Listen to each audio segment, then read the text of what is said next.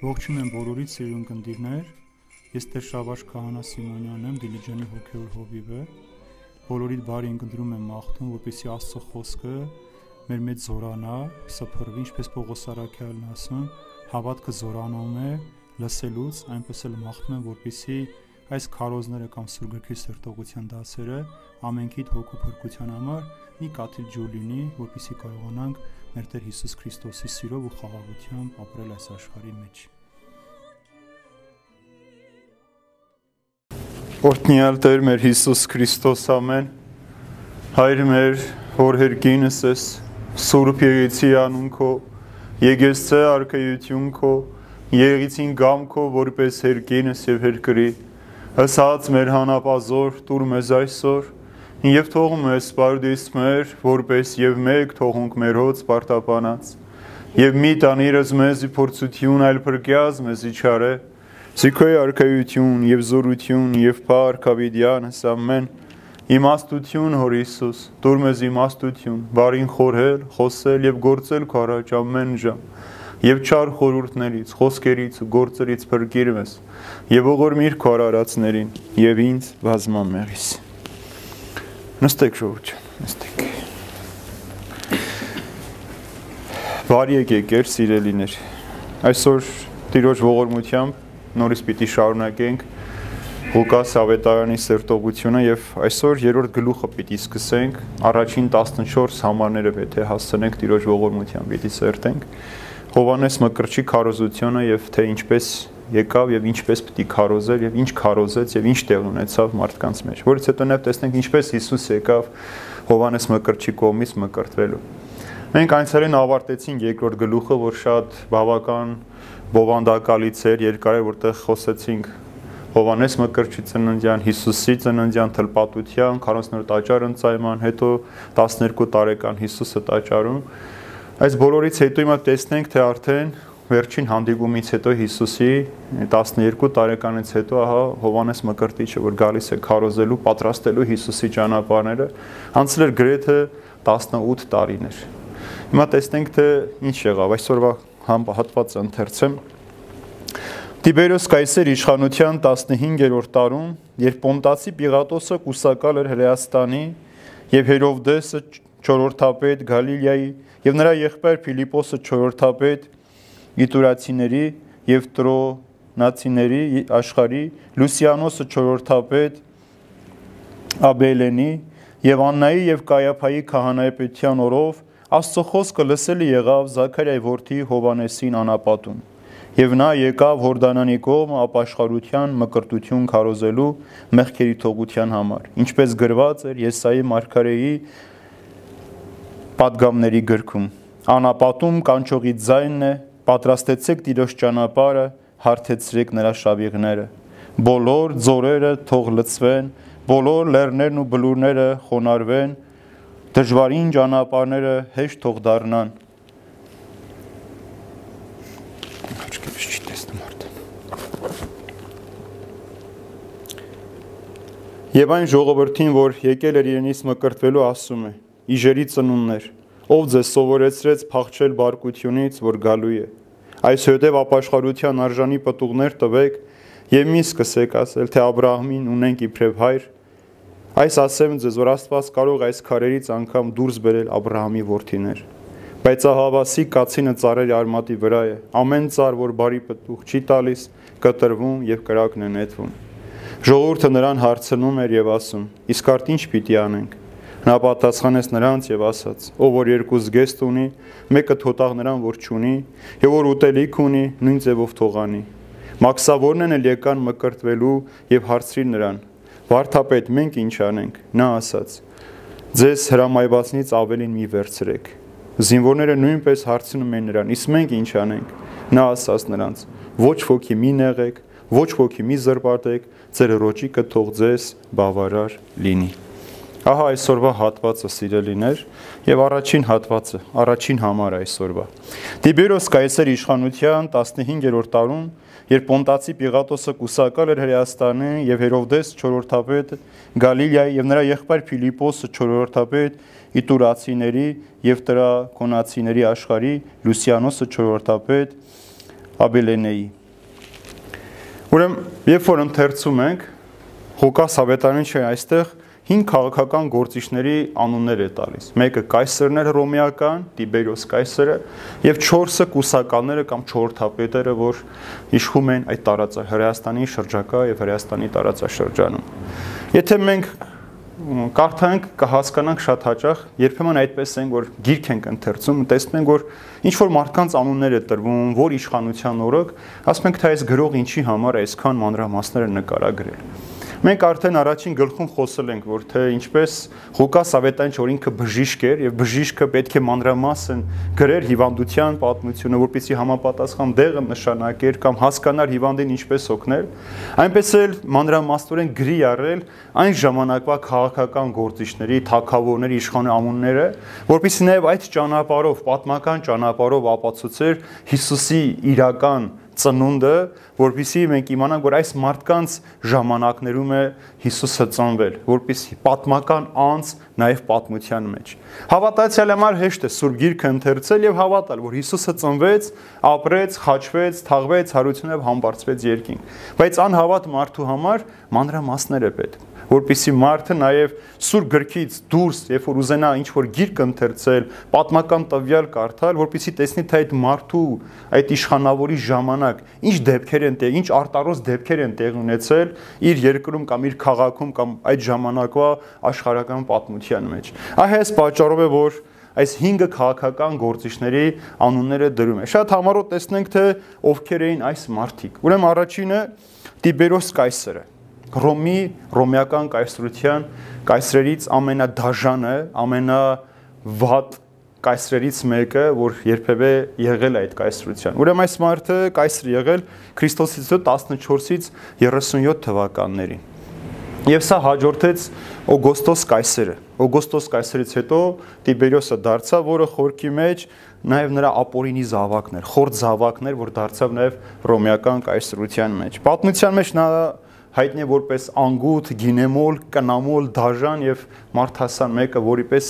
շատ հետոներում շատ քիչ են պատահել, որ այսպիսի կայսերեր են եղել։ Տեսեք, ասում է Տիբերիոս կայսեր իշխանության 15-րդ տարում։ Ուրեմն ժաման այն ժամանակ թվականներ չկային։ Երբ որ մեկը գալիս էր իշխան, ասում են այսինչ մարդը, այսինչ տարում։ Տեսեք, ասում է 15-րդ տարում։ Եթե մենք հաշվենք, որ 14 թվականից է կայսր եղել Տիբերիոսը, նրա 15-րդ տարին գալիս է 20 թվականը, չէ, 29 թվականը մոտար։ 29 թվական, այսինքն այդ ժամանակում էր, որ Հովանես Մկրտիչը ելավ քարոզելու։ Ինչու Հովանես Մկրտիչը հենց այն ժամանակ եղավ, այսինքն Հիսուս երբ որ եկավ մկրտվելու քանի տարեկան էր, 30, չէ։ Ուրեմն նույնաշանակում էր Հովանեսն էլ էր 30 տարեկան։ Ինչու որովհետև հնում այսպես էր ճափահասությունը, հասունության տարիքը 30-ն էր եւ կատարել թիվականն էլ մարդու 30-ն է։ Ինչպես որ Ադամը, երբ որ Աստված Ադամին ստեղծեց, ինքը ծնունդ փոքրիկ չծնվեց, այսինքն Ադամին 30 տարեկանում Աստված ստեղծեց, այսինքն հասունության շրջանում կատարյալ տարիքը մարդու 30 տարեկան է։ Սա է պատճառը, որ Հիսուսն էլ իբրև երկրորդ Ադամ որ եկավ աշխարհ արդեն փրկելու առաջին Ադամի մեղքի հետևանքներից 30 տարեկանում եկավ մկրտվել։ Եվ եթե Հովանեսի 6 ամիս էր մեծ, չէ, այսինքն Հիսուսից, նշանակում է, որ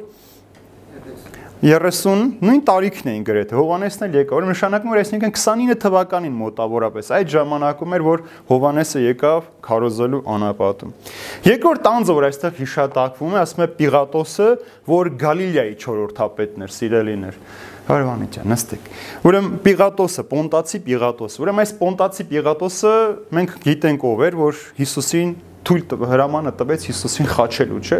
Ասեց ես իմ ձեռքերը լվանում եմ, ես կապ չունեմ անմեղարյան հետ։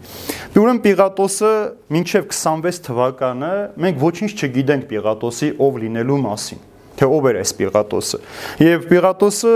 26-ից 36 թվականն էր եղել Գալիլեայի այդ Հերոհայաստանի 4-րդ թափետ։ Ուրեմն Հերովդես մեծը, որ երբ որ Հիսուսը ծնվեց, Հերովդես անունով մեկն էր, չէ՞ թակավորը, որ եկան ասեցին ուր է հрьяաների թակավոր։ Երբ որ այս մարդը մահացավ, նրա 3 որդիներ ուներ, Հերովդես Ագրիպաս իր որդին, Աքեղայոսը, Ֆիլիպոսը եւ եւ մեկ ուրիշ մի օտար կառավարիչների մեջ իր տերությունը բաժանեց 4 մասերի։ Եվ Աքեղայոսը, որ դաժանությամբ էր հայտնի, ռոմեական կայսրությունը զրկեց այս մարդուն իր իշխանությունից եւ այս Պիղատոսը գնեց այդ իշխանությունը, որպեսզի ինքը դառնա Հրեաստանի կառավարիչը։ Եվ այս Պիղատոսը ինքը թույլ մարդ էր, վախկոտ մարդ էր եւ տեսեք, երբ որ երբ ինքը գիտեր, որ Հիսուսը արդար էր, բայց քանի որ Ինչ ասաց Կայափան, հիշում եք, եթե դու Հիսուսին ազատ արձակես, ուրեմն դու հակառակ ես կայսրին, ճշնամի ես կայսրությանը, եւ այս վախի պատճառով հրաժարվեց եւ ավելի շատ իր կյանքում ինքը հետում է ոչ թե արդարությանը, այլ իր օգուտն էր փնտրում ցանկացած որոշման մեջ։ Եվ հետագայում երբ որ իրեն ակսորեցին Շվեյցարիայի լեռներում, ասում են, այնտեղ էր ինքը, այնտեղ էլ ինքնասպան է եղել Պիղատոսը։ Սա Պիղատոսի մասին։ Երրորդ տանը, որ հիշում է, Հերովդես Ագրիպասն էր։ Սա Հերովդես մեծ թագավորի երկրորդ որդին էր, որը որ ձերբակալեց Հովանես Մկրտչին, որը որ նաև գլխատել տվեց իր կնոջ պատճառով, հիշում եք սրա մեղքը, ամուսնացել էր իր եղբոր կնոջ հետ, իր եղբայրը ողջ էր եւ Հովանես Մկրտիչ ամեն անգամ, երբ որ հանդիպում էր այս մարդուն, ասում էր դու սրբապիղծ ես, դու լկտի ես, որովհետեւ դու քո եղբոր կնոջ հետ ես ամուսնացել։ Եվ քանի որ չէր հանդուրժում այս ամենը, հատկապես Հերովդիան, այդ կինը, եւ հիշում եք խնջույքի ժամանակ, որ նրա աղջիկը ապարեց, ասաց ինչ կուզես, այդ սկուտեղի վրա Հովանես Մկրտչի գլուխը կուզեմ եւ հրամայեց, որ Հովանես Մկրտչի գլուխը կտրեն եւ մատուցեն Հերովդիային։ Եվ սա էլ այս մարդը Քրիստոսից առաջ 4 թվականից մինչև 39 թվականն է եղել Գալիլեայի 4-րդապետը։ Եվ սա նաև Հիսուսի մահն էր փնտրում։ Հիշում եք, որ Հիսուսը նաև սրան աղվես անվանեց։ Աղվես կոչեց այս մարդուն։ Սա էլ եղել է ամբարո, կնամուր եւ խնջուկների սիրահար մեկը։ Մյուսը Փիլիպոսն է։ Փիլիպոս անով։ Սա էլ այս Հերովդեսի մյուս եղբայրն էր Փիլիպոսը, որը համեմատաբար ճակերտավոր լավ կառավարիչ եղավ իր տարածաշրջանի մեջ, եւ սա էր նաեւ որ կառուցել է Կեսարիա քաղաքը, որի անունով էլ հայտնի է Փիլիպյան Կեսարիա։ Այս մարդն է, որ կառուցել էր այդ քաղաքը։ Եվ մյուսը, որ Լուսիանոսն էր, սրա մասին ոչ մի այդպեսի պատմական տվյալներ չկան եւ չգիտենք ով էր։ Ուրեմն այս 4 տեսեք քաղաքական գործիչներ եւ Երկրորդ համարի մեջ արդեն հիշում է, ասում է այդ ժամանակ եւ Աննայի եւ Կայափայի քահանայապետության օրով Աստծո խոսքը լսել եղավ Զաքար որդի Հովանեսին անապատում։ Եվ երկրորդ տեսեք 5 քաղաքական գործիչների, այսինքն քաղաքական իշխանությունների եւ հիմա երկու անուն է տալիս Աննա եւ Կայափա, որ քահանայապետն էին այդ ժամանակվա ընթացքում։ Ուրեմն հրեական օրենքը, սիրելիներ, մեկ քահանայապետ պիտի ունենար եւ այդ քահանայապետը ցմահ էր ինչպես որ կաթողիկոսը չէ ռոմի պապը պատրիարքները տարբեր եկեին որ ընտրվում են ցկյանս են մինչեւ իրենց մահը իրենք պատրիարք են համարվում բայց քանի որ ռոմեական կայսրությունը նաեւ ուզում էր որ ի հոգեվորս իր իշխանության տակ պահել հрья ժողովրդին աննային զրկեց քահանայապետությունից եւ կայափային նշանակեց այդ ժամանակվա քահանայապետ բայց քանի որ ժողովուրդը իր ընտրած քահանայապետին էր, ինձ ինձ համար միշտ քահանայապետ մնաց Աննան։ Իսկ ռոմեական կայսրության համար քահանայապետը Կայափան էր։ Եվ դրա այդ միակ դեպքն է հրեական պատմության մեջ, որ ժողովուրդը երկու քահանայապետ ուներ այդ ժամանակ։ Եվ այս Կայափան նաև փեսաներ Աննայի։ Աննայի փեսաներ, քրո աղջկը ամուսին էր եւ ըստ պատմական տվյալների Կայափան նաև ինքը այնպիսի մի կուսակցությունից էր, որ չէին հավատում մեռելների հարությանը եւ իրավունք չուներ սադուկեցիները, եթե հիշում եք, Հիսուսը դրանց մասին շատ էր ում, սադուկեցիները չէին հավատում հրեշտակների գոյությանը, մեռելների հարությանը եւ սադուկեցի լինելով կայապան, այսինքն անհավատ լինելով ինքը դարձել էր քահանայապետ։ Եվ տեսեք, ինչ է տեղի ունենում։ Կարծես թե այսօրվա աշխարհի նույն պատկերն էր 2000 տարի նեխած քաղաքական իշխանություն տեսակ չէ կանամոլ հարբեցող դաժան անգութ այլասերված քաղաքական գործիչներ եւ նեխած հոգեվոր իշխանություն այսինքն եկավ այն ժամանակին Հիսուս երբ որ թե քաղաքական թե հոգեվոր իշխանությունները ամբողջությամբ նեխած էին այլևս պիտանի չէին ժողովրդի թե հոգեվոր եւ թե աշխարհիկ հոգսերը հոգալ եւ ժողովրդի կյանքի մեջ խաղաղություն հաստատել։ Կայապան 18-ից 37 թվականներին եղավ իբրև քահանայապետ։ Ուրեմն տեսեք սիրելիներ, եւ երբ որ մեկ օրինակ էլ բերեմ, երբ որ Հիսուսին ձերբակալեցին, առաջին բանը որ արեցին, տարան Կայափայի տուն, չէ՞, դատելու։ Հետո նոր բերեցին Աննայի տուն, հետո նոր բերեցին Կայափայի տուն եւ Կայափան էլ արդեն առավոտյան Հիսուսին տարավ Պիղատոսի պալատ եւ այնտեղից նրան տարան խաչելության։ Եվ ահա ասում է այս իշխանավորների ժամանակում Աստծո խոսքը լսելի եղավ Զաքարիայի որդի Հովանեսին անապատում։ Մենք գիտենք սիրելիներ, որ վերջին մարգարեն Մաղաքյա մարգարեն էր։ Սրա մասին ասել են, որ մինչև Մաղաքյա մարգարեից հետո մինչև Հովանես Մկրտչի ծնունդը 400 տարի Աստված լուր էր։ Չէր խոսում մարդկանց հետ։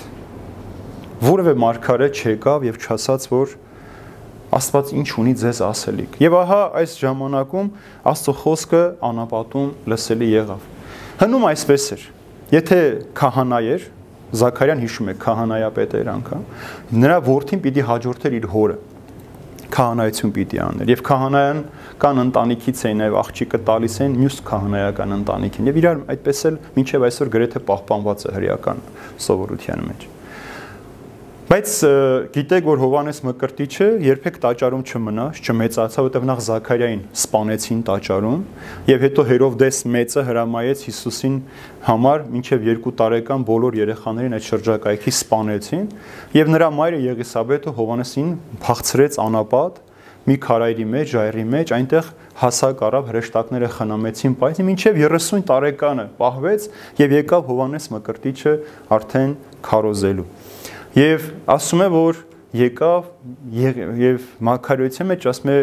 երբ որ գա падգամաբերը պիտի լինի Եղիայի ոգով եւ դրամա շատ հաճախ Հովանես Մկրտչին ինչու որովհետեւ Հովանեսը նախ արտակինով նման էր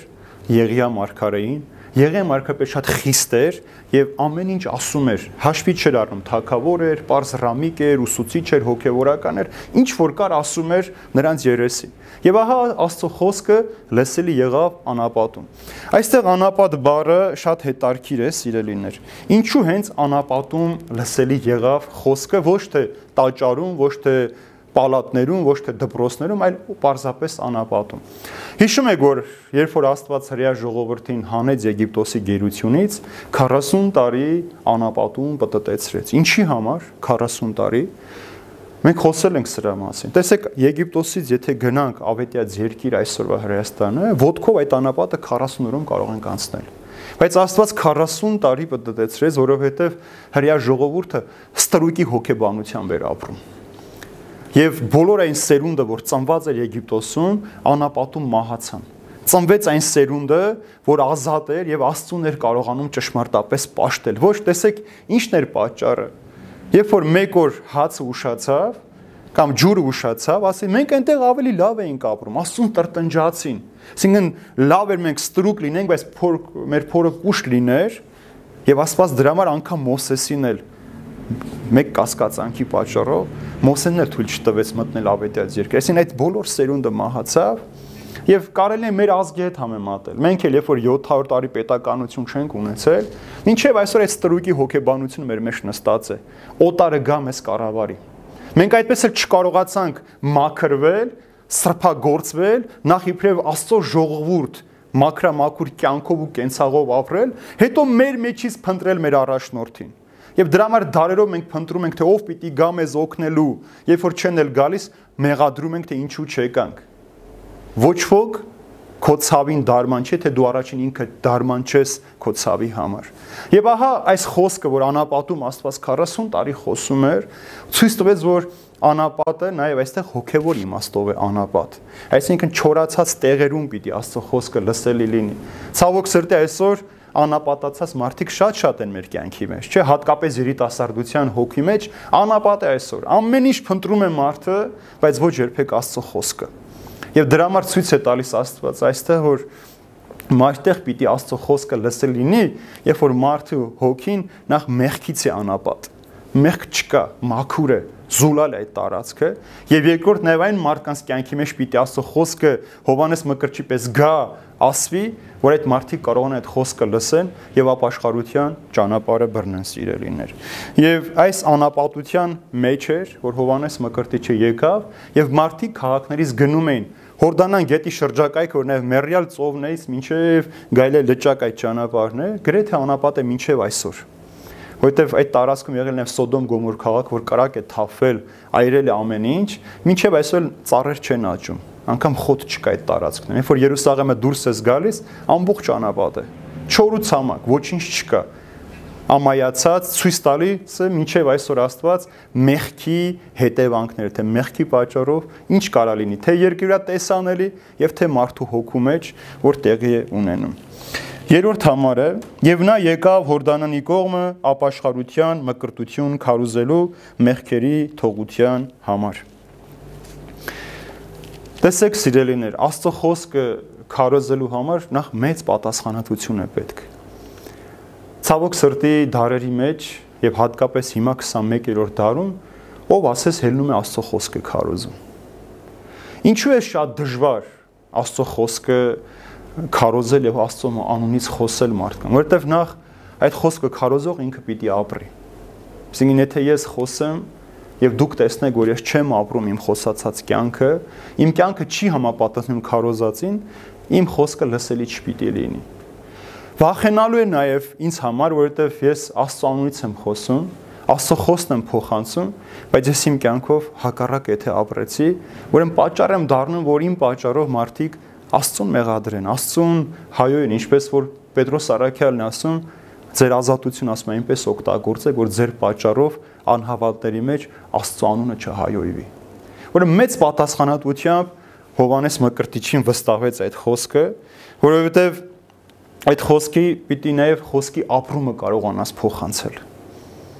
ոչ միայն բառ, այլև այդ բառի խորուրդը, ապրումը, դու ինչ ձևով ես ասում։ Օրինակ, հայր մեր աղոթքը, որ ամենաշատը, որ մենք ասում ենք, շատ հաճախ մենք ինքնաբերաբար ենք ասում այդ աղոթքը։ Արտասանության պես սովորական է դարձել։ Բայց երբ որ դու ամեն անգամ, երբ որ ասում ես հայր մեր, այդ հայր զգացողությունը չի լսվում քո բերանից եւ քեզ լսողը չի հասկանում, որ դու քո հորն ես դիմում, նշանակում է, որ մենք պարզապես արտասանություն արեցինք։ Այսինքն, որ ասում ես հայր մեր, այդ հայրը պետք է դիմացին տզգա, որ աղոթող իր հորն է դիմում, ոչ թե ինչ որ անտեսանելի մեկին այդ ապրումը պիտի կարողանանք փոխանցել։ Նույն ձևով, երբ որ մենք մեկին խրատ ենք տալիս, եթե այդ խրատը մեր կյանքով ֆիլտրվածած չէ, մեր միջով չի անցել, այդ խրատը երբեք մեկ ուրիշի համար օգտակար չի կարող լինել։ Ուրեմն Հովանես Մկրտիչը գրեթե 2 տարեկանից մինչև 28 տարի անապատում ապրեց, Աստծո հետ եղավ, հրեշտակների հետ եղավ եւ իր ինչ որ ասում էր համարցակությամբ։ Եվ շատ կուզե որ այսօր մեր կյանքի մեջ Հովանես Մկրտչի պես մարդիկ լինեին։ Ինչու։ Երկու պայման ասեմ։ Նախ այսօրվա քարոզիչները, հոգևորականները ինչ են անում։ Երբ որ խեղճ ու կրակ մարդ է, նույնիսկ կարող են այդ մարդու վրա ձայն բարձրացնել, նվաստացնել։ Բայց երբ որ պաշտոնյա է, հարուստ է եւ իրենցից օգուտ ունեն, իրենց գրպանից ծախսնել այնտեղից է գալիս, մեր ձայնը փոխվում է։ Խեղճ, գովասանքով, նուրբ, որպեսի հանկարծ այդ մարդկանց օգուտից չկտրվենք։ Իսկ Հովանես Մկրտեսեք Հերովդեսին, Թագավորին անպատվում էր։ Որտեղ որ փողոցում հանդիպում ես, մեր դու պիղծ ես։ Որովհետև քարոզիչի համար չպիտի լինի նպատակը, թե ինչ օգուտ ստանաս այդ մարդից, այլև օգուտը նրանց հոգիների փրկությունն է։ Այսօրվա խոսքը, երբ որ քարոզողը խոսում է, հաջորդող հավատացյալը պիտի հարցնի. վաղը ես ինչ անեմ, որ փրկվեմ ոչ թե գանք լսենք ու գնանք։ Երբ որ մենք ամեն անգամ հավաքվում ենք Բադարակին կամ Գուսուր գրքի սերտողությանը, դուք չեք գալիս ինձ լսելու։ Չպիտի գաք ինձ լսելու համար։ Դուք պիտի գաք թե Աստված ինչ ունի միջոցով ձեզ ասելու։ Ինչն է Աստծո падգամը։ Նույնն էլ ես եմ սովորում ամեն այն, որ ամեն անգամ սուր գրքի դասերը պատրաստում եմ, գրում եմ, ես ինձ եմ համեմատում այդ տողերի մեջ, ես ինչ արեցի մեկ հոգուն փրկելու համար։ Թե չէ կա Հիսուսի հանդիմանություն ինձ համար սարսափելի դինի, որ ասում է ցամաք եք կտրում, ծով եք կտրում, գնում եք մեկ հոգու դարձի բերելու, դարձի բերելուց հետո ձեզանից ավելի վատն եք դարձնում շատ եկեղեցի գնալը, շատ աղոթելը, մոն վառելը սուր գիրքը դա փրկություն չէ, թե դու այդ ամենը չես ապրում։ Այդ խոսքի զորությունը քո կյանքի մեջ չունի որևէ արժեք սիրելիներ։ Եվ Հովանես Մկրտիչը ապաշխարության մկրտություն էր քարոզում մեղքերի թողության համար։ Ապաշխարություն բառը սիրելիներ։ Բոլոր բառերը մեր կյանքի մեջ կարող են երանք կամ իմաստ ունենալ, բայց ապաշխարությունը պայման է մեր կյանքի մեջ ապաշխարությունը պայման է երկնքի արխայություն մտնելու համար։ Եթե չապաշխարենք, մենք չենք կարող մտնել երկնքի արխայություն։ Հիսուսը եկավ առաջի բառը ապաշխարությունն էր, ապաշխարեցեք, որովհետև երկնքի արխայությունը մոտեցել է։ Ինչ է ապաշխարությունը, սիրելիներ։ Ապաշխարություն բառը երկու խորուրդ ունի։ Հունարեն բառը մետանոյա նշանակում է մտքի բանականության փոփոխություն։ Այսինքն մարդը, երբ որ գալիս է Աստծու մոտ, պետք է իր մտածելակերպը փոխի։ Այլևս երեկվա մարդը չպիտի լինի իր մտածումների մեջ։ Իր խորհուրդների մեջ երեկվանը չպիտի լինի Երկրորդը հրեական իմաստով ապաշխարություն բառը նշանակում է կենցաղի փոփոխություն։ Երբ որ դու գալիս ես Հիսուսի մոտ, դու պիտի շատ քո սովորություններից ձերբազատվես։ Հպարտես, պիտի խոնարհվես։ Անգութես, պիտի ամբասիր դառնաս։ Չներողես, ներողամիտ պիտի դառնաս։ Եթե չկա Հիսուսի մոտ գալուց հետո մեր մեջ այդ փոփոխությունը, մենք ընդամենը արևի լույսը խանգարողներ ենք դառնում մեր կյանքի մեջ։ Եվ դրա համար Հիսուս Փարիսեցին դրա համար էր հանդիմանում ասելով, որ դուք չեք մտնում, մտնողներն էլ թույլ չեք տալիս, որ մտնեն։ Ուրեմն ես իմ կենցաղով կարող եմ շատերին արգելք լինել, որpիսի իրենք մտնեն երկնքի։ Իմ խոսքը, երբ որ իրենք լսեն, թակում տեղերում ես կարող եմ շատ ված բառեր խոսեմ, մարդիկ լսեն, պատճառ դառնա, որ այդ մարդիկ այլևս չուզենան Աստծո խոսքը լսել։ Ուրեմն ապաշխարությունը սա է։ Մտքի մտածելակերպի փոփոխություն եւ մեր կենցաղի, մեր նիստուկացի փոփոխություն։ Եվ երրորդը արդեն դրանից բխողը դարձ դեպի Աստված։ Աստծո կամքի, Աստծո գծած ճանապարհով ուղությունով շարժվելու համար։ Եվ այստեղ ասում է, տեսեք, մկրտում էր մեղքերի թողության համար։ Ուրեմն երբ որ մարդը մկրտվում է, փոխվում է ապաշխարության, ուրեմն փոխվում է իր մտքով, իր կյանքով եւ հոգով։ Եվ տեսեք, Հովանես Արաքյալն ինչ է ասում իր առաջին ընթանրական նամակում։ Եթե ասենք, թե մենք ոչ մեղք չունենք, մենք մեզ ենք խափում եւ ճշմարտություն չկա մեր մեջ։ Իսկ եթե խոստովանենք մեր մեղքերը, հավատարիմ է նա եւ արդար մեր մեղքերը մեզ ներելու եւ մաքրելու համար, մեզ ամեն անիրավությունից։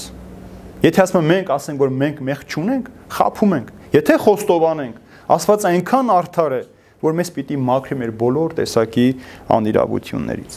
Եվ ուզում եմ այստեղ մկրտության հետ կապված բացատրություն տալ, տեսեք, մեղքերի թողության համար էր մկրտում Հիսուսը, Հովանես մկրտիչը։ Ուրեմն այս մկրտությունը սինել ապաշխարության մկրտություն էր որ մարդիկ ջրի լվացումով համարում են մաքրված։ Մեր մկրտությունը, քրիստոնեական մկրտությունը խավության համար է, փրկության համար է։ Ուրեմն Հովանես մկրճի այդ մկրտությամբ մարդը չէր փրկվում։ Մեղքերից մաքրվում էր, բայց հավիտենական կյանք մուտք չուներ։ Դրա համար ասում է, ես ձեզ մկրտում եմ ջրով, բայց ինձ դուք կգա մեկը, ով ձեզ կմկրտի հոգով եւ հրով, կարակով, եւ որի կոշիկներ արྩակելու ես արժանի չեմ։ Անցյալում հрьяաները այսպիսի մտածում ունեին սիրելիներ, որ իրենց մասին, որ իրենք առանց որևէ գործ անելու կարող են փրկվել։ Եթե հрья ես, փրկված ես։ Իսկ փարիսեցիները ավելի իրենց մասին մեծ կարծիք ունեն։ Ասում են, եթե աշխարհում պիտի փրկվեր երկու հոգի, դրանցից մեկը անպայման պիտի լիներ փարիսեցի։ Այսինքն, եթե ես քահանա եմ, դա դեռ չի նշանակում, որ ես փրկված եմ։ Մի օր մեկ ինձ հարցրեց, «Տեր, դուք փրկված եք»։ Ասեցի, «Դեռ չեմ մեռել, երբ որ մեռնեմ կիմանամ»։ Ասես տարօրինակ նայեց վրես ու գնաց։ Ինչպես թե փրկված չեք։ Այո, ես փրկված եմ մեղքի իշխանությունից։ Սատանան այլևս ինձ վրա իշխանություն չունի, բայց ես երկնքի արքայություն մտնելու համար դեռ չգիտեմ կմտնեմ այնտեղ թե չէ։ Որտեվ ես կարող եմ ինչև վերջին պահը հավատարիմ չմնամ Հիսուսին։ Վերջին պահին, ինչպես որ Հուդան առայքյալ էր, երկնքին շատ մոտ ապրեց Հիսուսին մոտ, բայց իր վախճանը եղավ դժողքում։ Ավազակը, որ դժողքին շատ մոտ էր ապրում, իր վախճանը եղավ երկնքի արքայության մեջ։ Հիսուսից այսօր ինձ հետ դրախտում կլինես։ Ուրեմն ինչե մեր կյանքի վերջին վարքյանը կռիվ պիտի լինի։ Եթե մեծերը հատկապես տեսել եք հոգեվարքի մեջ եղող մահացող մարդուն, որ խոսում է, մենք էլ հասնում ենք, «Էս ինչ է խոսում այս մարդը»։ Այդ հոգեվարքի պահին մի կողմից գալիս են հրեշտակները, մյուս կողմից դևերը եւ կռվում են հրեշտակների հետ, թե հոգին ով պիտի տանի։ Դևերը հիշեցնում են մարդու մեղքը, հրեշտակներն արդարացնում են, որ այս մարդը եթե այս մեղքը գործել է, դրա համար մենք իմը մահամերձին թողություն է տալիս մեղքերին եւ այդ մարդ արդեն մեղքերը ներված է կարողանում ննջել որպիսի երկնքի արքայության մեջ տեղ ունենա նրանք ովքեր այսպես էին մտածում հрьяաները որ իրենք առանց գործ անելու կարող են փրկվել եւ նրանք այն մարդիկ ովքեր որ ուզում էին հրեական հավատքին գային, հուդայականության հավատքին գային, երեք պայմաններ դնում նրանց արջև, սիրելիներ։ Երեք գործողություն պիտի կատարեն։ Նախ առաջինը Թորան, որ օրենքների սուրբ գրքից հետո հрьяաների համար կարևոր գիրք էր, օրենքների գիրք էր։ Պիտի անգիր սովորեին։ Երկրորդը պիտի թլպատվեին, ինչպես որ հрьяական օրենքներ, եւ երրորդը ջրով ջուր են լցնում վրան, համարում էր մկրտված, մաքրվում են այդ մեղքից եւ դառնում են այդ հավատքի հետևորդները։ Ուրեմն Հովանես Մկրտիչը երբ որ եկավ մարդկանց մկրտելու, ինչ էր անում գալիս են իր մոտ խոստով, այսինքն լինում էր, որ Հովանես Մկրտիչը դարձավ մարդկանց մեղքերը հայտնաբերողը։ Այն մարդիկ, որ տարիներով չէին խոստովանել իրենց մեղքերը, գալիս են Հովանես Մկրտչի հետ խոստովանում էին, որ երևելի էին, առաքինի էին, սուրբ էին, հանկարծ պարզմուրես մարդիկ ծածկված բազում մեղքեր ունեին, մեղավոր կյանքով ապրող են։ Ուրեմն հայտնաբերում էր եւ լվանում էր այդ մեղքերին թողություններ տալիս։ Իսկ Հիսուսը դրանք քավում էր սիրելիներ։ Հիսուս իր արյամբ լվաց մեր մեղքերը մեր վրայից քավեց մեզ։ Շատ կարևոր պայման է խոստովանությունը։ Տեսեք, բոլոր առաքյալները, երբ որ նամակները կարդում ենք Հակոբոս Սարաքյալի, Պետրոս Սարաքյալի, Պողոս Սարաքյալի, Հովանես Սարաքյալի, ասում է ձեր մեղքերը խոստովանեք։ Առանց մեղքերի խոստովանության, որ դու դուրս չհանես քո մեղքերը քո միջից, չես կարող փրկությունը գտնել։ Դրա համար մենք պատարակի հաղորդություններ, մենք խոստովանում ենք բարձրաձայն մեր մեղքերը։ Սա այդ բանաձևը մեղքերի, այն բոլոր մեղքերն են վերծված, որ մարդը գործել է, ընդունակ է։ Կարող ենք այնտեղի շատ մեղքեր ծանոթել չլինենք, թե ինչպիսին է, գործած չլինենք, բայց այդ մեղքերը մարդիկ գործել են։ Եվ դրա համար եկեղեցին ունի երկու խոստովանության ձև՝ ընդհանրականը եւ անհատականը։ Ան, ընդհանրական ինչ որ մենք անում ենք պատարակից առաջ, եւ երկրորդը անհատական խոստովանությունն է, որ մարդը գնում է հոգեորական դեմ առ դեմ նստում է եւ ինչպես որ իր հիվանդության մասին է պատմում թե իր մարմինը ոնց է ցավում, որ շարժումից է ցավում, ինչպիսի ցավ է, սուր է, բութ է, տակարությունը ինչ է, այնպես էլ իր մեղքն է նկարագրում, թե ինչպես գործեց եւ այդ մեղքը ոնց է իր հոգին ցավեցնում, ոնց է իր հոգին տանջում եւ այդ մեղքերը չխոստովանվենք, ի հայտ չբերենք, չի կարող մեզ ներվել այդ մեղքերը։ Շատ հեշտ է Երբ որ բանաձևը կարդում ենք, ասում ենք մեղա Աստծո։ Մենք չգիտենք էլ, քահանան չգիտի այդ մարդը զղջաց թե չզղջաց։ Այդ խոսք ուղակի ասես թե չասեց։ Բայց անհատական խոստովանության, այսինքն մեղքի խոյմը դրած է ամոթը, որ մարդը պիտի ամանչի իր արած մեղքի համար։ Եվ ապաշխարության հայերեն բացը նշանակում է ապաշխար, այսինքն ապա, հետո շխարելը լացել, այսինքն հետո լացել քո արարքների համար ապաշխարել է պակայանը պակայանը ուրեմն պետք է ապաշխարես լացես քո մեղքերի համար երբ որ ես պատարակի ընթացքում լաց եմ լինում շատ հաճախ մարդիկ հարցում են ինչու ես լացում ասում եմ մեղքերիս համար ասում ես դու մեղք ունես այո շատ շատ մեղք ունեմ ձեզանից շատ սիրելին որովհետև ինձ ավելին է տրված ավելին է տրված ինձ եւ ինձանից ավելին է պահանջվում Գուցե ձեր արած մեղքի համար դուք ներվեք, ես չնեմ, որտեվ ես կամավորապես հրաժարվել եմ այդ կյանքով ապրելուց, բայց շարունակել եմ նորից մեղքի մեջ լինելու։ Մենք միշտ պիտի լացենք եւ Աստծո համար ամենաթանկ բանը ապաշխարող մարդու մեկ կաթիլ արցունքն է։ Մեկ կաթիլ, որտեղ այդ մեկ կաթիլ արցունքը մեր բազում մեղքերը սրբում է մեր վրայից եւ մեզ իբրև մաքուր բյուրեղի անոտ դնում է երկնքի արքայության ճանապարհի վրա։ 4-րդ համարը սիրելիներ, ինչպես գրված է Եսայի մարգարեի падգամների գրքում, անապատում կանչողի ձայնն է, պատրաստեցեք Տիրոջ ճանապարհը, հարթեցեք նրա շավիղները։ Անապատում կանչողի ձայնն է, սիրելիներ։ Հովանես Արաքե, Հովանես Մկրտիչը Հիսուս Քրիստոսի падգամաբերն էր։ Չէ՞։ Երբ որ հնում ինչպես էր, կամ այսօր էլ է այդպես, այդ Երբ որ պիտի որոշ երկրի թակավորը, նախարարը, նախագահը գնա մեկ ուրիշ երկիր, նախ եւ առաջ նրա որոշակի մարդիկ մեկնում են այն երկիր, պատրաստում են այդ մարդու այցը։ Հնում այդ անողները կոչվում են մունետիկներ։ Մունետիկը գալիս էր, հայտարարում են շեփոներով հնչեցնում էին եւ գիտեին, որ թակավորը գալիս է։ Բոլոր մարդիկ պատրաստվում էին թակավորի գալստյանը։ Ուրեմն Հովանես Մկրտիչը խորհրդանշում էր Հիսուսի падգամաբերը, Եվ պատարակի ժամանակ ասել եմ մի անգամ էլ, երբ որ մենք խաչվառը քահանայից առաջ գալիս է, դա թակավորական դրոշն է եւ Հովանես մկրտիչն է։ Այսինքն ասում է պատրաստվեք, հիմա թակավորը պիտի գա։ Դրա մենք շրջում է նախ եւ առաջ падգամաբերի խորհուրդը խաչվարը եւ երկրորդ արդեն թակահանան, որ ներկայացնում է Հիսուս Քրիստոսին, մտնում է մարդկանց մեջ շրջում է, մարդկանց մեղքերը, խոսքերը վերցնում է, իր հետ տանում է խորան, որ խորթանշում է երկնքի արքայությունը։ Ուրեմն եկավ հայտա, հայտարարելու Հիսուսի մոտալուտ գալուստ։ Եվ տեսեք ասում է պատրաստեցեք Տիրոջ ճանապարհը։ Որն է Տիրոջ ճանապարհը, սիրելիներ։ Ինչի մասին այստեղ խոսքը։ Ճանապարհները հարթեցնելու մասին չէր հաստատ, չէ։ Ուրեմն ճանապարհը այստեղ մարդու սիրտն է։ Այսինքն բացեք ձեր սրտերը, թակավորը գալիս է։ Ինչպես էր ասում ներսե շնորհալին, սերանուն Հիսուս քու սիրով ճմրիր իմ քարեղեն սիրտը, քարացած սիրտը Կամ Եփրեմ Ասորի հայրապետը ասում էր. Տեր Հիսուս քո սիրով իմ ձմեռնացած հոգին գարանբեր, վերածիր գարնան, ջերմություն տարածիր, սառած, կոշտացած հոգիները պիտի մաքրվեր։ Ուրեմն մեղքերով կոշտացած սրտի մասին է այստեղ խոսքը, ճանապարհի իմաստով, որ մեղքերով կոշտացած էր, քարքարոտ, դիքուփոս, անհարմար ճանապարհ, ասում էր հարթացրեք, ուղեք մաքրեք այս ամենը, որպիսի երկնքի թակավորը գա, որպիսի այդ հարթեցած ճանապարհեր անապական ոդքերը դնի։ Այսօր շատ-շատ սրտեր են կոշտացած ու քարացած սիրելիներ։ Դրա համար Հիսուս շատ է կարևորում մարդու սիրտը։ Ասում է Երանի սրտով մաքուրներին, որովհետև նրանք Աստծուն պիտի տեսնեն։ Ուրեմն ինչքան կարևոր է սրտի մաքրությունը, որ մենք կարող ենք տեսնել Հիսուսին։ Երկրորդ ասում է երբեք երեխաների պես չլինեք, չեք կարող չի ասում է մտնել, անգամ տեսնել երկնքի արքայություն, որտեվ երեխաների սիրտը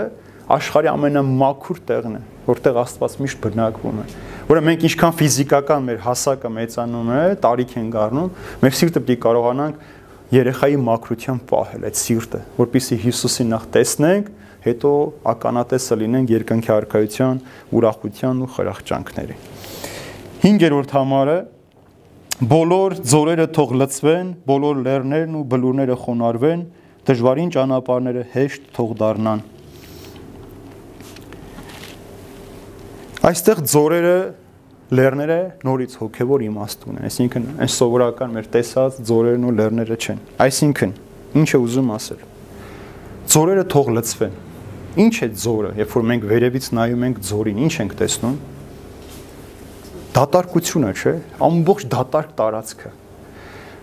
Այսինքն, երբ որ Աստված էլ վերևից մեր սրտերին է նայում, էլի դատարկ տարածը։ Իմ ինչով պետք է լցվենք այդ զորերը հավատքով։ Հավատքով եւ Աստծո շնորհով։ Տեսեք, ասում է թող բոլոր զորերը լցվեն, բոլոր բլուրներն ու լեռները խոնարհվեն։ Լցվեն բոլոր պակասությունները մեր։ Մեր թերությունները կարողանան մաքրենք մեր միջից, լցվենք հավատքով, հույսով ու սիրով։ Այս երեք կարևոր պայմանն է։ Եվ լեռներն ու ձորերը թող խտարկեն, սա էլ լեռներն ու բլուրները ովքեր են հպարտները, այո, ապրեք, հպարտ մարդիկ են, որ հպարտները թող խոնարհվեն։ Ինչու է հացումը լեռներ եւ բլուրներ։ Այսինքն ոմանք ավելի հպարտ են, ոմանք նվազ հպարտ, ոմանք բլուրի պես հպարտ են, ոմանք էլ լեռների պես հպարտ են, որ կամ որ իրենց քթից վերը ոչինչ չեն տեսնում, կամ էլ որ իրենցից բացի ոչ մեկին չեն տեսնում։ Այս մարդիկ էլ պիտի խոնարհվեն։ Այսինքն մինչև հպարտությունը մեր միջից դուրս չգա, մենք չենք կարող թույլ տալ, որ հավատքը, հույսը, սերը լցնեն մեր պակասությունները։ Աստված տանել չի կարողանում հպարտ մարդկանց տանել չի կարողանում։ Աստված սիրում է խոնարհներն, ասում է, որտեղ պիտի Աստված բնակվի, եթե ոչ հեզերի եւ խոնարհների մեջ։ Եվ Հիսուս էլ, երբ որ առաքյանների ոտքեր լված, ասաց. Ես Տերս եւ Վարդապետս արեցի ձեր ոտքեր լվացի, նույնը դուք արեք իրար։ Ցույց տալով որ իշխանավորը, թակավորը, ով որ մեծ պաշտոն ունի, նախ առաջին պետք է խոնարհվի։ Նույնն էլ եկեղեցին, ինչև չմոտենա եկեղեցին ժողովրդին,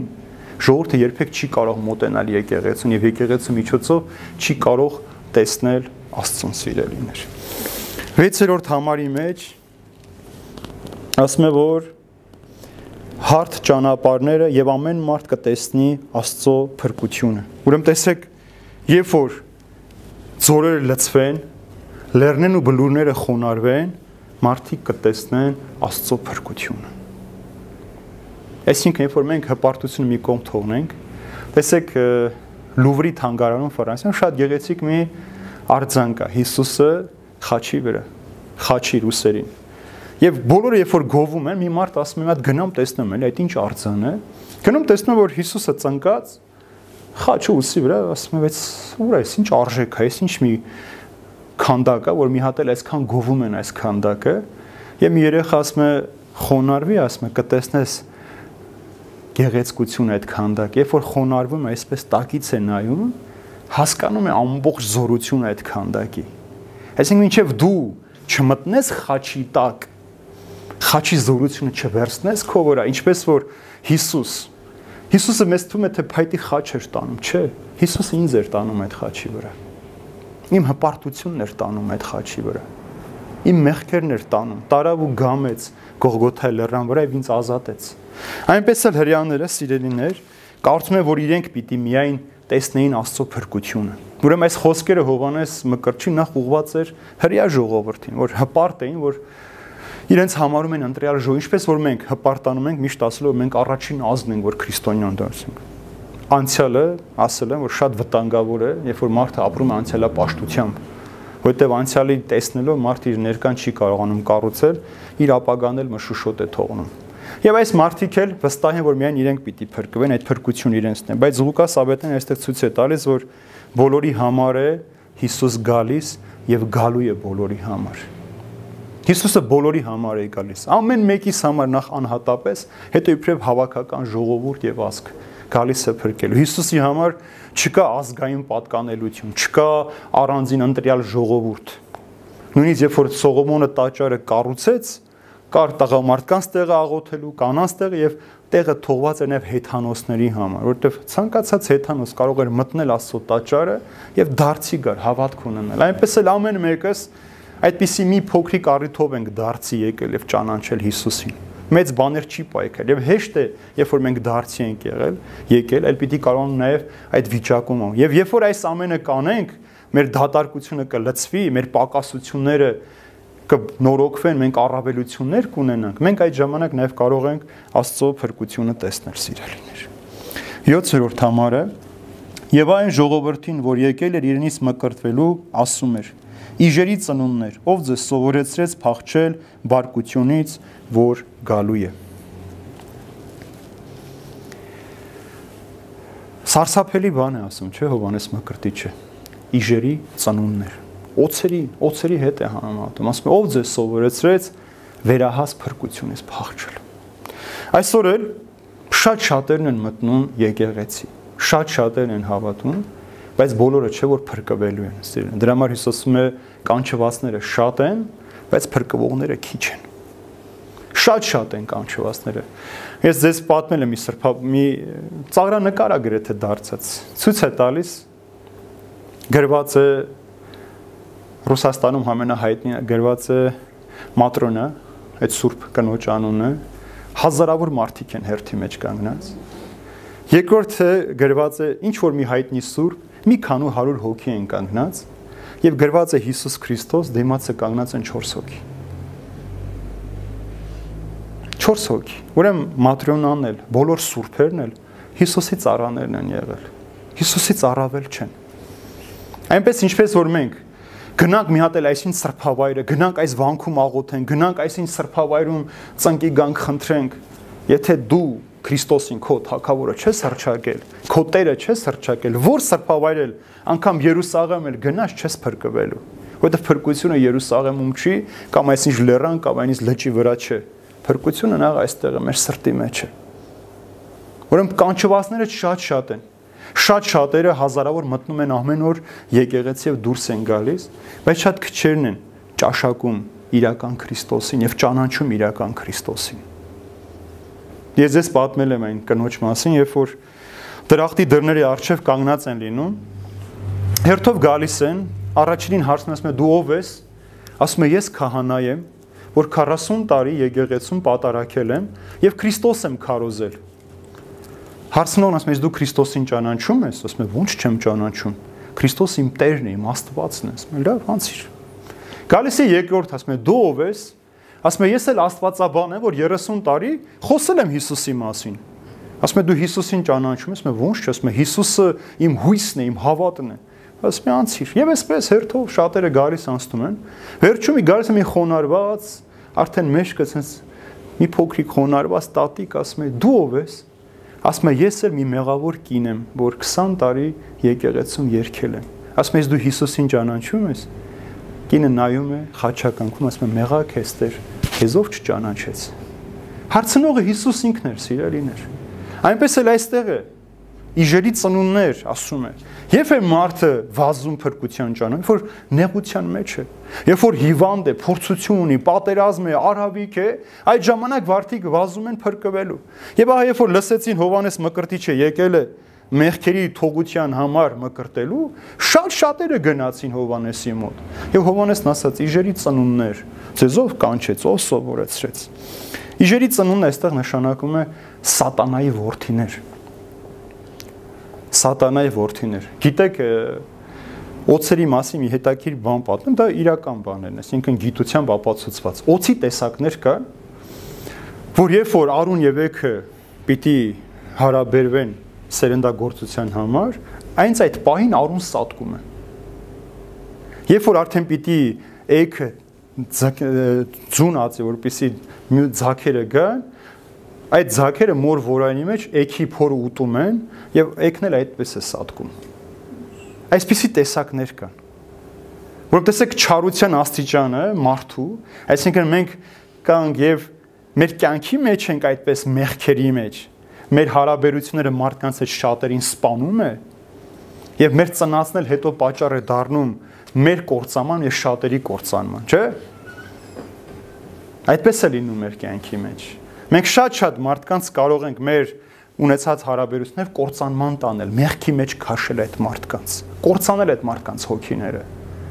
Եվ մեր ծնած մեր ծնած զավակները մեզ կարող են կործանել եւ հաջորդ սերունդներին կարող են կործանել։ Տեսեք ինչպիսի վտանգավոր երևույթներ կան մեր կյանքի մեջ, որ այդպես էլ այս իժերից են, այսինքն այն մարդիկ, ովքեր որ սատանային են ծառայում,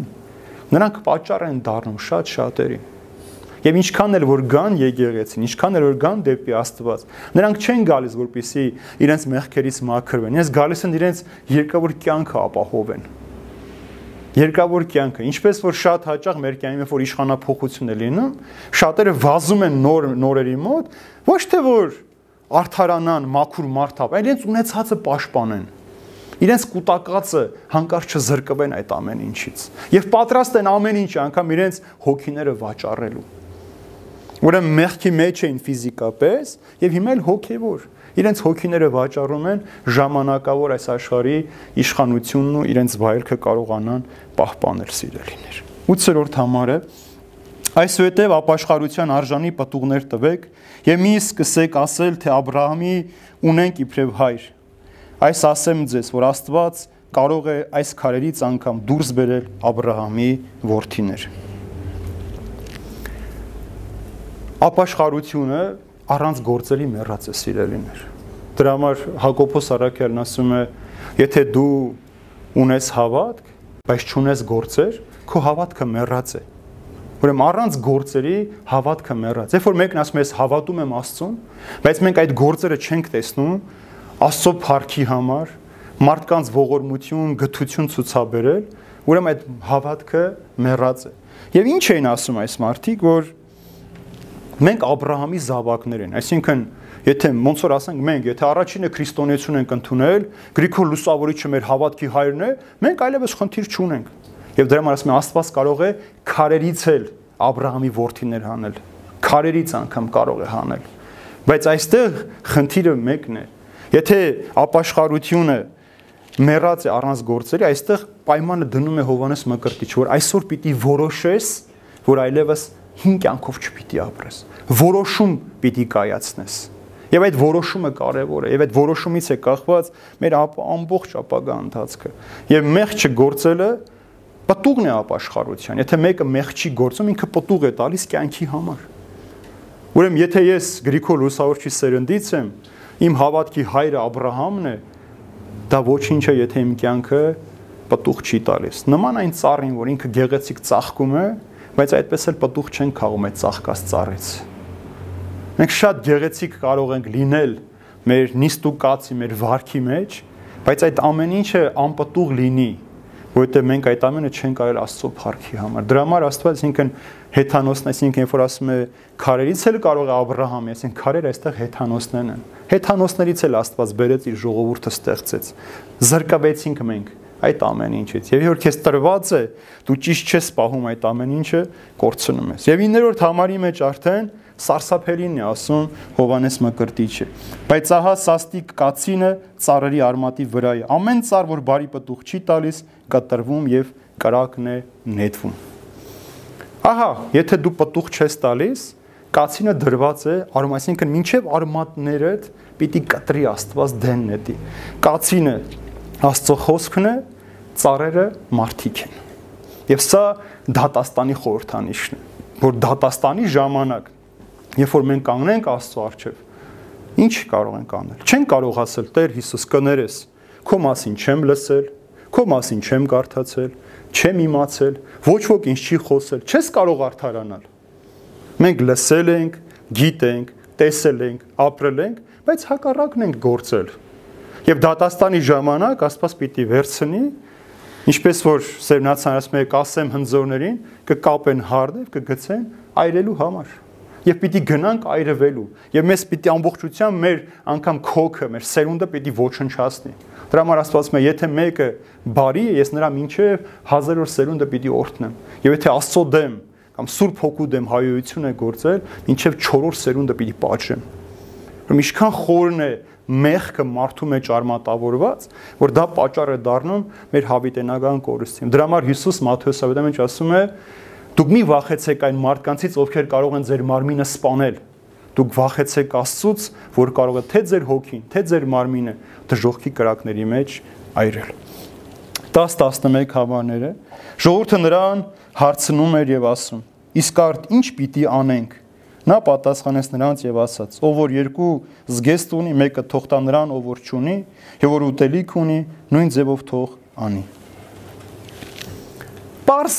բարեգործություն է սովոր։ Ով երկու աչ շոր ունի, թող տա ճանաչողին։ Ով ավել ուտելիք ունի, թող տա սովածին։ Եվ ինչու է այստեղ ասում հակուստը հատկապես շեշտում սիրելիներ։ Անցյալում աղքատները չափից շատ էին, շատ-շատ էին աղքատները եւ անգամ շոր չունեին, որ ծածկվեին, մրսում էին։ Եվ այստեղ հակուստը թիկնոցն է, այն ժամանակ թիկնոց են, չէ, գցում երկար իրենց վրա։ Այսինքն այդ թիկնոց սովոր ունի ջերմությունը թող տա։ Եվ դրա համար Հիսուս ասում է սոված էի, հաց տվեցիք, ծարավ էի, ջուր տվեցիք, մերկ էի, շոր տվեցիք, հիվանդ էի, այցի եկա, բանտում էի, տեսության եկա, երբ որ հարցրեցին, Իս երբ էր հիվանդ, երբ էր սոված, երբ էր բանտում, ասեց, այս մարդկանցից ում որ անեք, իմացեք ինձ համար եք արել։ Ուրեմն པարզ բարեգործություն է սորցում։ Ժողովուրդ ասում է, ինչ անենք, ասում է ձեր ունեցածից աղքատին բաժին հանեք։ Եվ անցյալ անգամ քարոզի ժամանակ ասացի, չէ՞ որ եթե ամեն հարուստ մարդ փորձեր մեկ հոգու խնամեր, այս աշխարհի մեջ աղքատ մարդիկ չեն լինի։ Եթե ամեն աղքատ իր ունեցած քչի մեջ ավելի քիչ ունեցող են մի բաժակ ջուր տար, կատարյալ սերը կլիներ աշխարհի մեջ։ Բայց մենք պահում ենք։ Ինչու տեսեք, մարդ կա այսօր մի կոշիկով 1 տարի դպրոց է գնում կամ աշխատանքի։ Մարդ կա ամեն օր է գնում։ Աշխարհի ամենավատ սրիկա մարկանցից մեկը Ադոլֆ Հիտլերը Երբ որ ինքը ուսանող է եղել համալսարանում 5 տարի մեկ վերնաշապիկով է գնացել դասի։ Երբ որ դարձել է Գերմանիայի կանցլեր, ամեն օր մեկ հատ նորն է հակել։ Ամեն օր մեկ հատ նորն է հակել։ Եվ դեն է նետել։ Այնպես էլ մենք այսօր, երբ որ բացենք մեր զգեստապահարանները, վստահաբար ամեն մեկի ստանա այդպես է։ 5 հատ կոշիկ ունենք, 10 հատ վերնաշապիկ ունենք, այն ունենք, բայց մեր կողքը կա սոված ապրող մերկ մարդ, որ երբեք այդ շորը չենք տալիս։ Կամ տալիս ենք այն ժամանակ, երբ որ արդեն ի վիճակի չենք այնքան է քրքրվել մաշել, որ ամոթ է որ մենք հակնենք, մենք տալիս ենք մեկ ուրիշին։ Ավել ցուկ է, որ դու տալիս ես, դա քեզ չի բերում փրկություն եւ չի ջնջում քո մախ, որովհետեւ դու քո ավել ցուկից ես տվել։ Նույն այրի կնոջ լուման, Հիսուս ինչի գովեց այդ լուման 180 դրամ էր, մեկ հացի փող էր դա։ Եվ դա իր ամբողջ ապրուստն էր։ Դրանից առաջ այնտեղ լցրել էին կիլոգրամով ոսկի։ Բայց Հիսուս չգո, ինչու որտեղ նրանք իրենց ավելցուկն էին տալիս։ Իսկ կինը ինքը աղքատ էր այդ գանձանակից ինքն էլ էր օգտվում եւ ինքը համարեց որ ինքն էլ պիտի մասնակցի մեկ ուրիշ աղքատի կերակրելու համար եւ սա է որ Հիսուսը գովում է մեր կյանքի մեջ սիրելիներ 12 13-րդ համարի մեջ դե հիմա ժողովուրդը առանձին եկան, հիմա այստեղ գալիս են մաքսավորները, հարկայինի աշխատողները, այսօրվա լեզվով ասած։ Մաքսավորներն եկան մկրտվելու եւ հարցրի նրան. «Վարդապետ, մենք ինչ անենք»։ Նա ասաց նրանց. «Ձեզ հրամայվածից ավելին մի վերցրեք»։ Կարծես թե ոչինչ չի փոխվել, չէ՞ աշխարհի մեջ։ Մաքսավորները այն մարդիկ էին այն ժամանակ հрьяաներն էին, ովքեր ծառայում էին ռոմեական կայսրությունը սիրելիներ։ Այսինքն հрья ժողովրդից հարկերը հավաքում էին, տալիս են ռոմեական կայսրությանը։ Եվ ինչ էին անում այդ արանքում։ Ավել փող էին վերցնում, իրենք էլ էին հարստանում։ Բայց երկու մաքսավորի Աստված փրկեց, չէ՞։ Մեկը փոքրիկ Զաքեոսը, որ գնաց, ասես Տեր ումից վերցրել եմ, հանեց բաժանեց աղքանցեց, այս տունը փրկություն եղավ, եւ երկրորդ ով էր Մատթեոս ավետարանիչը, չէ՞, Ղևին, որ ինքը հարկատու էր, հավաքում էր, Հիսուս ասեց արի ավելի կարևոր գործի, ուրեմն երկու մաքսավոր փրկվեցին։ Հիմա տեսեք, ոչինչ չի փոխվել աշխարհի մեջ։ Ասում է, ինչ անենք որ փրկվենք, չի ասում որ մաքսավոր լինելը այսօրվա լեզվով ասած հարկայում աշխատող մարդը վատ աշխատանք է։ Դա պետական ծառայություն է, բայց ասում է պահանջվածից ավելին չվերցնենք։ Այսինքն թե այս մարդը որ խանութ ունի, պետությանը պիտի վճարի 50000, դուրանից 100-ը մի պահանջիր։ Մեր երկիրը այսօր քանդվում է, պատճառը սա է, որ խանութի տերն էլ փորձում է հարկայինի աշխատողին այնպես սիրաշահել, որ ինքը պետությանը քիչ ծախ ցույց տա, քիչ գումար ցույց տա, որ ինքը շատ եկամուտ ունենա, ոչինչ որ հարկային աշխատողն էլ կաշառ վերցնելով մեղքի մեջ թաղվում է։ Սա մեր գործելա ոչն է այսօրվա։ Եվ աշխարի բոլոր երկրներում այս խնդիրը կա։ Մարդիկ ամեն օր մեխանիզմներ են մտածում, թե ինչպես խուսափեն հարկերից։ Ցույց չտան իրենց իրական եկամուտները։ Եվ գտնում են այդպիսի մարդկանց, ինչպես որ մենք գտնում ենք այնպիսի մարդկանց, որ մեր մեսխանները գովեն ու արդարացնեն, այնպես էլ մարդը գտնում է այդպիսի մարդկանց, որ իր անօրենությունները արդարացնի։ Ցավոք սրտի սա է ասում է ավելին մի վերցրեք կաշառք որովհետև սուրգիրքն ասում է կաշառք թե տվողը թե վերցնողը սپانում է իր հոգին անհոգի մարդիկ են դա, իսկ անհոգի մարդը շատ վտանգավոր է մեր կյանքի մեջ։ Եվ այսօրվա վերջին համարը մաքսավոներից հետո էլ սիրելիներ 14 համարի մեջ գալիս են զինվորները։ Զինվորները նույնպես հարցնում են նրան, իսկ մենք ինչ անենք։ Նա ասաց նրանց. ոչ ոքի մի նեղեք, ոչ ոքի մի զրպարտեք, ձեր հրոչի կթող ձեզ բավարար լինի ժողովուրդը եկավ, մաքսավոները եկան, հիմա եկան զինվորները։ Սա սա շատ զորավոր հատված է Սուրբ գրքի մեջ, որովհետև գիտեք, այսօր Եհովայի վկաները քարոզում են, որ չպետք է մարդը ծառայի, եւ իրենք հրաժարվում են զինվորական ծառան, ասելով որ զենք վերցնելը մեղք է։ Հովանես Մկրտիչը չի ասում, որ վատ բան է, որ դուք զինվոր եք, չծառայեք այլևս։ Ընդհանրապես ասում է՝ մի նեղեք, մի զրկեք, ձեր աշխատավարձով բավարարվեք։ Այս զինվորները բնականաբար ռոմեական կայսրության հեթանոց զինվորները չէին, որ եկան Հիսուսի մոտ, սրանք հрья զինվորներ, ովքեր Հերովդեսի մոտ ծառայության մեջ էին կամ գուցե ռոմեական կայսրության բանակում էին ծառայում սիրելիներ։ Եվ երեք պայման թելադրեց։ Առաջինը ոչ ոքի մի նեղեք։ Երկրորդը մի զրկեք, մի վերցրեք ուրիշ ունեցվածը, եւ ձեր աշխատավարձով բավարարվեք։ Ինչ է կատարվում այսօր աշխարհի մեջ սիրելիներ։ Հիսուս այս խոսքը Հովանես Մկրտչի մեզ ով որ մենք ինչ կոչումի, ինչ պաշտոնի մեջ լինենք, բարեգործ լինենք, արդար լինենք եւ մեր ունեցածով բավարարվենք։ Կարևոր չի մենք ով ենք, քահանա ենք, ուսուցիչ ենք, բժիշկ ենք, զինվորական ենք, նախարար ենք, նախագահ ենք, վարչապետ ենք։ Կարևոր չի մենք ով ենք։ Եթե մենք բարեգործ չենք, արդար չենք, մեր ունեցածով բավարարվողը չենք, մեր հոգիները, մեր ընտանիքները երկրորդ եւ երրորդ մեր հայրենիքը կործանողներ ենք։ Ուրեմն մի նեղեք, սա բոլորին է, թեև զինվորների համար է ասված, բայց ամեն մեկիս է ասված։ Մի նեղեք։ Ում չնեղենք մենք։ Մենք շատ հաճախ ենք շատերին նեղում։ Մեր ներկայությամբ, մեր խոսքով նվաստացնում ենք մարդկանց։ Մենք կարող ենք մարդուն ֆիզիկապես չսպանենք, բայց մարդուն կարող ենք բարոյապես սպանել։ Մարդուն կարող ենք հոգեպես սպանել։ Դա մեր մեղքի ներկայությունն է, որ մենք մեր նեղքով չնեղենք մեր դիմացի մարդուն։ Ինչ ենք անում մենք, եթե 5 հոգով բամբասում ենք, 6-րդը մեր կողքին ստիպում են, որ ինքն էլ բամբասի, որ հանկարծ մեր բամբասանքը մեկ ուրիշտեղ չպատմի։ Կամ երիտասարդ տղաները, որ գնում են պատի տակ ծխելու, այն ողորչիցով ասում են դու էլ մի հատ ծխի, որ հանկարծ մեզի չմատնես։ Մենք այսպես կարող ենք շատ շատերին ստիպել, որ մարդիկ իրենց կամքին հակառակ գործողություններ անեն։ Եվ սրանով մենք սպանում ենք այդ մարդկանց։ Երկրորդ ասում է մի զրկեք Մարդը ագահ է, ինչ որ ինչ ասպարեզում էլ որ լինի, մարդը ագահ է։ Եվ ագահությունը գիտեք, նման է աղի ջրի, ինչքան խմում ես, այնքան ծառավում ես, եւ փողն էլ ինչքան գալիս է, դու ավելին ես ուզում ունենալ։ Եվ մարդը չի կշտանում։ Գալիս է երրորդին, որ ասում է ձեր աշխատավարձով բավարարվեք, չէ՞։ Ինչ ենք անում մենք։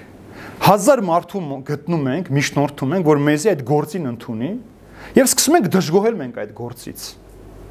որ շատ եմ աշխատում, քիչ եմ վարձատրվում, ես աշխատավարձով չեմ կարող իմ տունը պահել։ Ավելին ես ուզում, գիտելիքը տավելացրու, գնա ավելիին հասիր։ Դու ես ուզել, դու համաձայնվել ես, որ դու դառնաս այդպեսին։ Դու ուզել ես, որ հավաքարարի գործը քոնը լինի, բայց դու չպետք է գողանաս քո պաշտոնի մեջ։ Եվ ամեն մեկ այսօր ովքեր որ գալիս են պաշտոնի, գիտեն որ դա ժամանակավոր, ուզում են ինչ որ բան տանել։ Ես տարիներ առաջ երբ որ ուսանող էի, Մի օր մի հասարակական վայրում երկու մարդ խոսում էին պաշտոնյաներ։ Դա իմ լսած ամենասարսափելի զրույցներից մեկն է եղել։ Ասեց ախպեր ջան, երբ որ ես դարձա այդ պաշտոնը ստացա, ես գիտեի որ այդ պաշտոնը ժամանակավոր է։ Եվ ասում է, ես իմ ամեն ինչ անում եմ, ասում որովհետև պետությունը նման է գառան դմակի։ Ինչքան կարաս պետք է կթես տանես։ Որովհետև վաղ այս պաշտոնը կա, վաղ մյուս օրը չկա։ Սա իմ լսած իմ երիտասարդ ամենասարսափելի զրույցն է եղել, որ ես պաշտոնից լսել եմ։ Եվ ամեն մեկը այսօր որ գալիս է պաշտոնի, ինչ է անում։ Ինչպես է նեղում 100, այսինքն տասնյակ աշխատող մարդուն հանում է, իր ուզած մարդկանց է բերում դնում։ Նեղեց այդ մարդուն։ Զրկեց այդ մարդուն եւ չբավարարվեց, որտեվ պիտի բերի այնպիսի մարդկանց, որպիսի իր գողացած իր թալանածը հովանավորող եւ օգնողներ լինեն զինվորականության այս ախտը ամբողջ համամարտկային ախտի մասին է խոսում։ Երբ որ մեկը կաշառք է տալիս, որ այսինչ պաշտոնը զբաղեցնի, դպրոցի տնորեն դառնա, զորամասի հրամանատար դառնա, ոստիկանապետ դառնա, նախարար դառնա, ուրեմն ինքը չի եկել ծառայելու, ինքը եկել է շատերի նեղություն տալու, շատերից զրկելու, որpիս իր աշխատավարձից չբավարարված լինելով ավելին ստանա։ Եվ սա պիտի կործանի յուրաքանչյուր մարդու սիրելին։ Սա կարևոր չի ով է, հոգեվորականն էլ այդ մեղքի մեջ լինում եւ բոլորը կարող են այդ մեղքի մեջ լինել։ Հոգեվորականն էլ կարող է այս սքեմը այդ դրա նպատակի համար ծառայեցնել եւ ինքը չմտնել երկնքի արքայություն եւ արգելել, որ շատերը մտնեն այդ արքայության մեջ։ Սա բոլորիս համար խնդիր է սիրներ։ Ուրեմն մենք ով էլ որ լինենք, երեք նպատակ ունենք՝ բարի լինելու, ողորմած լինելու արդար լինելու եւ մեր ունեցածի մեջ գոհանալու։ Երբ որ աշխարհը այս թշվառ վիճակում է, պատճառը նա է, որ աղքատը իր ունեցածի մեջ է դժգոհ միշտ։ Հարուստն էլ իր ունեցածի մեջ է դժգոհ թե ինչու այն մեկից ավելին չի կարողանում ունենալ։ Անսահման դժգոհությունն է, չգոհանալն է մեր կյանքի բոլոր խնդիրները։ Եվ Հովանես Մկրտչի այս քարոզը կոչը, որ իժերի ծնունդն է, սա բոլոր ժամանակների, բոլոր ժողովուրդների համար է։ Ովքեր այս ընթացքով են գնում, իրենք այլևս Աստծո որդիներ չեն, սատանայի որդիներ են։ Դրա համար մենք ամեն անգամ առավոտյան աղոթում ենք ասելով. Տեր Հիսուս, թող քո խաչը մեզ պահապան լինի, երբ որ դու գաս, մենք իբրև լույսի որդիներ չամաչենք քո արչև կանգնելուց։ Մենք երբեք խավարի որդիներ չլինենք մենք լույսի որդիներն ենք մենք լույսից ենք ծնված մենք աստծուց ենք ծնված եւ աստծուց ծնվածը միշտ լուսավոր պիտի լինի իրենից պիտի լույս ճառակի եւ եթե այդպես չէ մենք միայն լույսի ճանապարհը փակողներ ենք եւ արգելողներն ենք այն մարդկանց ովքեր որ ուզում են Հիսուսին ճանաչել այսքանը սիրելիներ այսօրվա հատվածը Հովանես Մկրտչի քարոզության որ երեք կարևոր բան է սովորեցնում մեզ որ միայն հավատալը քիչ է փրկվելու համար մարդը պետք է ապաշխարի եւ այդ ապաշխարությունը պիտի լինի իր մտքի մեջ, իր հոգու մեջ, իր սրտի մեջ եւ երրորդը պիտի կարողանա այդ ապաշխարության արժանի պատուղնել տար այս աշխարհի մեջ։ Կարևոր չի չափը։ Մեր ժամանակների մեծագույն սրբուհին Մայր Թերեզան ասում է կարևոր չի մեր արածի չափը, մենք ինչքան ենք անում։ Աստված դա չէ որ գնահատում է մեր կյանքի մեջ այլ թե մենք մեր արածի մեջ ինչքան սեր ենք դնում։ Այդ սերն է, որ Աստված պիտի գնահատի։ Մենք կարող ենք մեկին տանել 100 կիլոգրամ այլուր տալ առանց սիրելու, եւ դա մեզ ոչինչ չի տալու։ Բայց կարող ենք մի ժպիտ տալ անսահման սիրով, եւ այդ ժպիտը մեզ արժենա հավիտենական կյանքի դռները բացելու բանալին։ Սրա համար է որ Հովանես Մկրտչը մեզ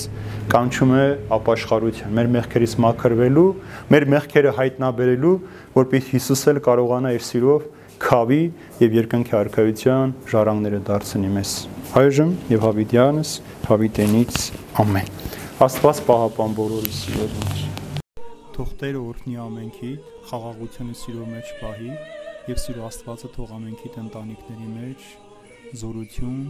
պահպանություն պահի, որպեսզի երբևէ չսասնվեք չվախենաք այս աշխարհի բոլոր նեղություններից ու դժվարություններից։ Աստված պահպան ամենքիդ։